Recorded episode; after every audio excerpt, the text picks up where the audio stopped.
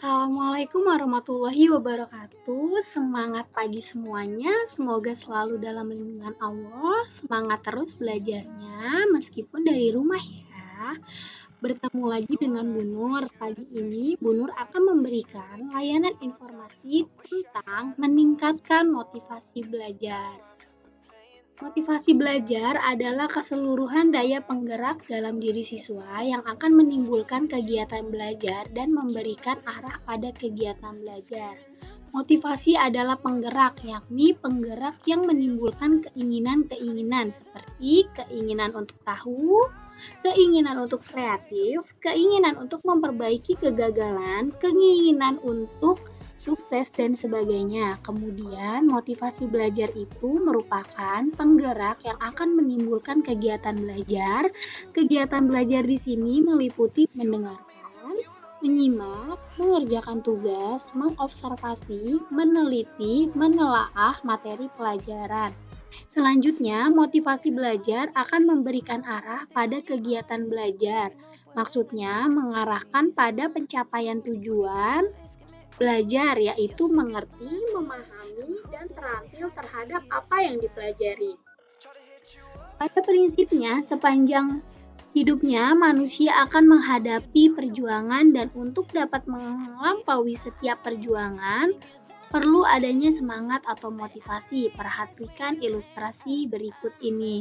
Yang pertama, Ani ingin menjadi seorang dokter, maka setiap hari Ani selalu berusaha menyiapkan diri dengan sebaik-baiknya mulai dari belajar, mengerjakan tugas-tugas, latihan soal, membuat catatan, diskusi atau belajar kelompok, sampai berusaha memahami bagaimana seharusnya berkepribadian sebagai seorang dokter.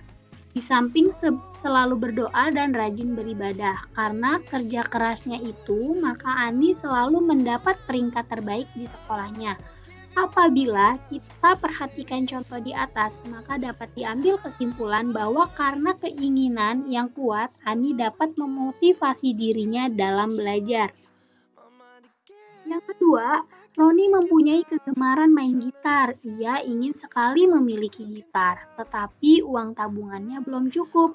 Mengetahui hal tersebut, orang tua Roni mengatakan bahwa kalau ingin dibelikan gitar, nanti kalau naik kelas dan nilainya dapat mencapai peringkat lima besar, mendengar kata-katanya ayah Roni menjadi bertambah semangat belajarnya. Ia betul-betul belajar keras dan berdoa agar dapat memenuhi harapan orang tuanya.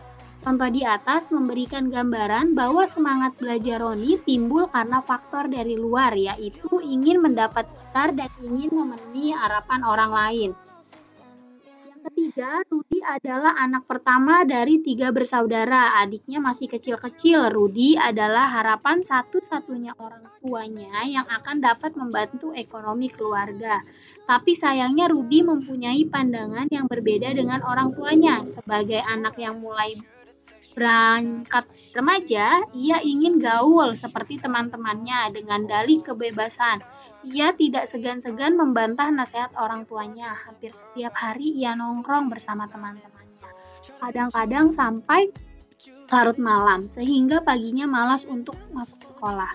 Kalau sudah demikian itu, ia terus bolos sekolah, juga tidak pulang ke rumah, melainkan jalan-jalan ke beberapa tempat hiburan.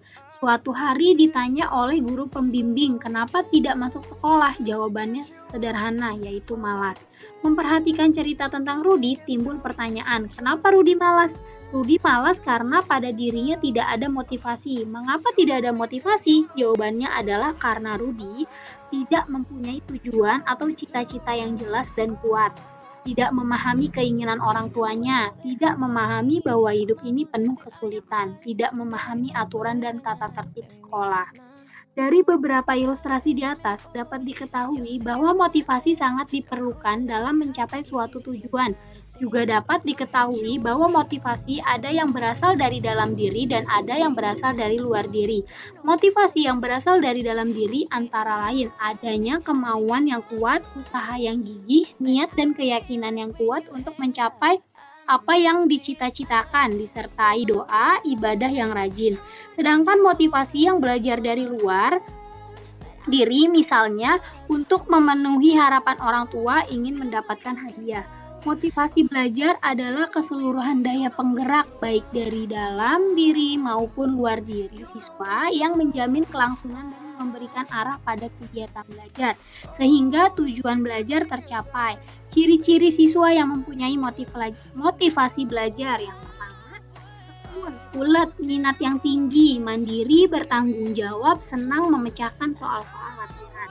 Faktor yang harus diperhatikan dalam menikmati meningkatkan motivasi belajar adalah yang pertama, setiap usaha belajar perlu ditetapkan niat dan tujuan yang jelas. Yang kedua, merencanakan kegiatan belajar sebaik-baiknya. Yang ketiga, memahami setiap hambatan yang dihadapi dalam belajar. Yang keempat, berdoa untuk keberhasilan.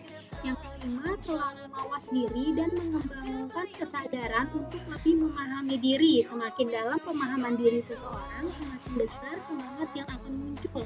Yang keenam, mau menerima masukan dari orang lain. Yang ketujuh, memahami norma-norma tentang belajar yang baik. Yang kelapan, mempunyai rencana masa depan. Motivasi harus selalu ada dan dipelihara agar senantiasa hidup menggelora di dalam jiwa kita selamanya. Kalau kita kehilangan semangat, badan rasanya lemah, malas, tidak bergairah, tidak berdaya, bahkan merasa tidak berharga. Sungguh ini sangat merugikan, jadi motivasi sangat diperlukan untuk keberhasilan seseorang dalam belajar. Salah satu tujuan belajar di kelas agar kita dapat naik kelas berikutnya sampai lulus. Lulus. Untuk mencapai tujuan tersebut, kita perlu usaha, berharap memperoleh hasil yang memuaskan adalah idaman setiap orang. Berusaha agar kita memahami usaha-usaha apa yang perlu dilakukan. Perhatikan Persyaratan akademis meliputi hasil ulangan yang diperoleh sudah tuntas atau lulus. Kehadiran di sekolah hendaknya sesuai dengan ketentuan.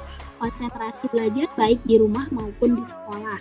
Kesehatan fisik maupun mental yang menunjang kegiatan belajar. Kelengkapan catatan pelajaran, mengerjakan tugas PR dengan baik Persyaratan budi pekerti meliputi kelakuan, ketaatan terhadap tata tertib sekolah, bersikap santun dan ramah kepada guru, karyawan sekolah, menjalin hubungan baik dengan teman sebaya, memperhatikan pelajaran, kerajinan, kehadiran dalam kegiatan belajar mengajar, kehadiran dalam kegiatan ekstrakurikuler, aktif mengikuti kegiatan peringatan hari-hari besar, kehadiran dalam kegiatan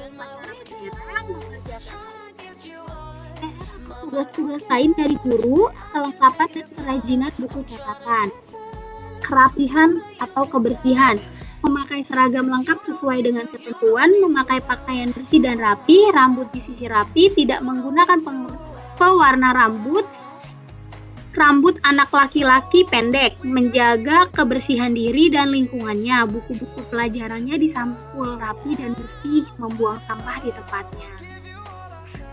Sekian. Materi yang dapat Ibu sampaikan dapat menambah pengetahuan bagi kalian. E, jangan lupa diterapkan dalam kehidupan sehari-hari. Semoga dengan adanya materi ini motivasi belajar kalian dapat meningkat dan kalian dapat mencapai apa yang kalian cita-citakan. Kurang lebihnya Bu Nur mohon maaf semangat belajar. Uh, seraya mari sama-sama kita berdoa semoga pandemi ini cepat berlalu dan kita dapat bertemu belajar seperti sedia kala di sekolah secara tatap muka. Salam sehat, semangat selalu. Jangan lupa uh, berdoa, rajin ibadah. Sampai jumpa di pertemuan selanjutnya. Sekian, terima kasih. Wassalamualaikum warahmatullahi wabarakatuh.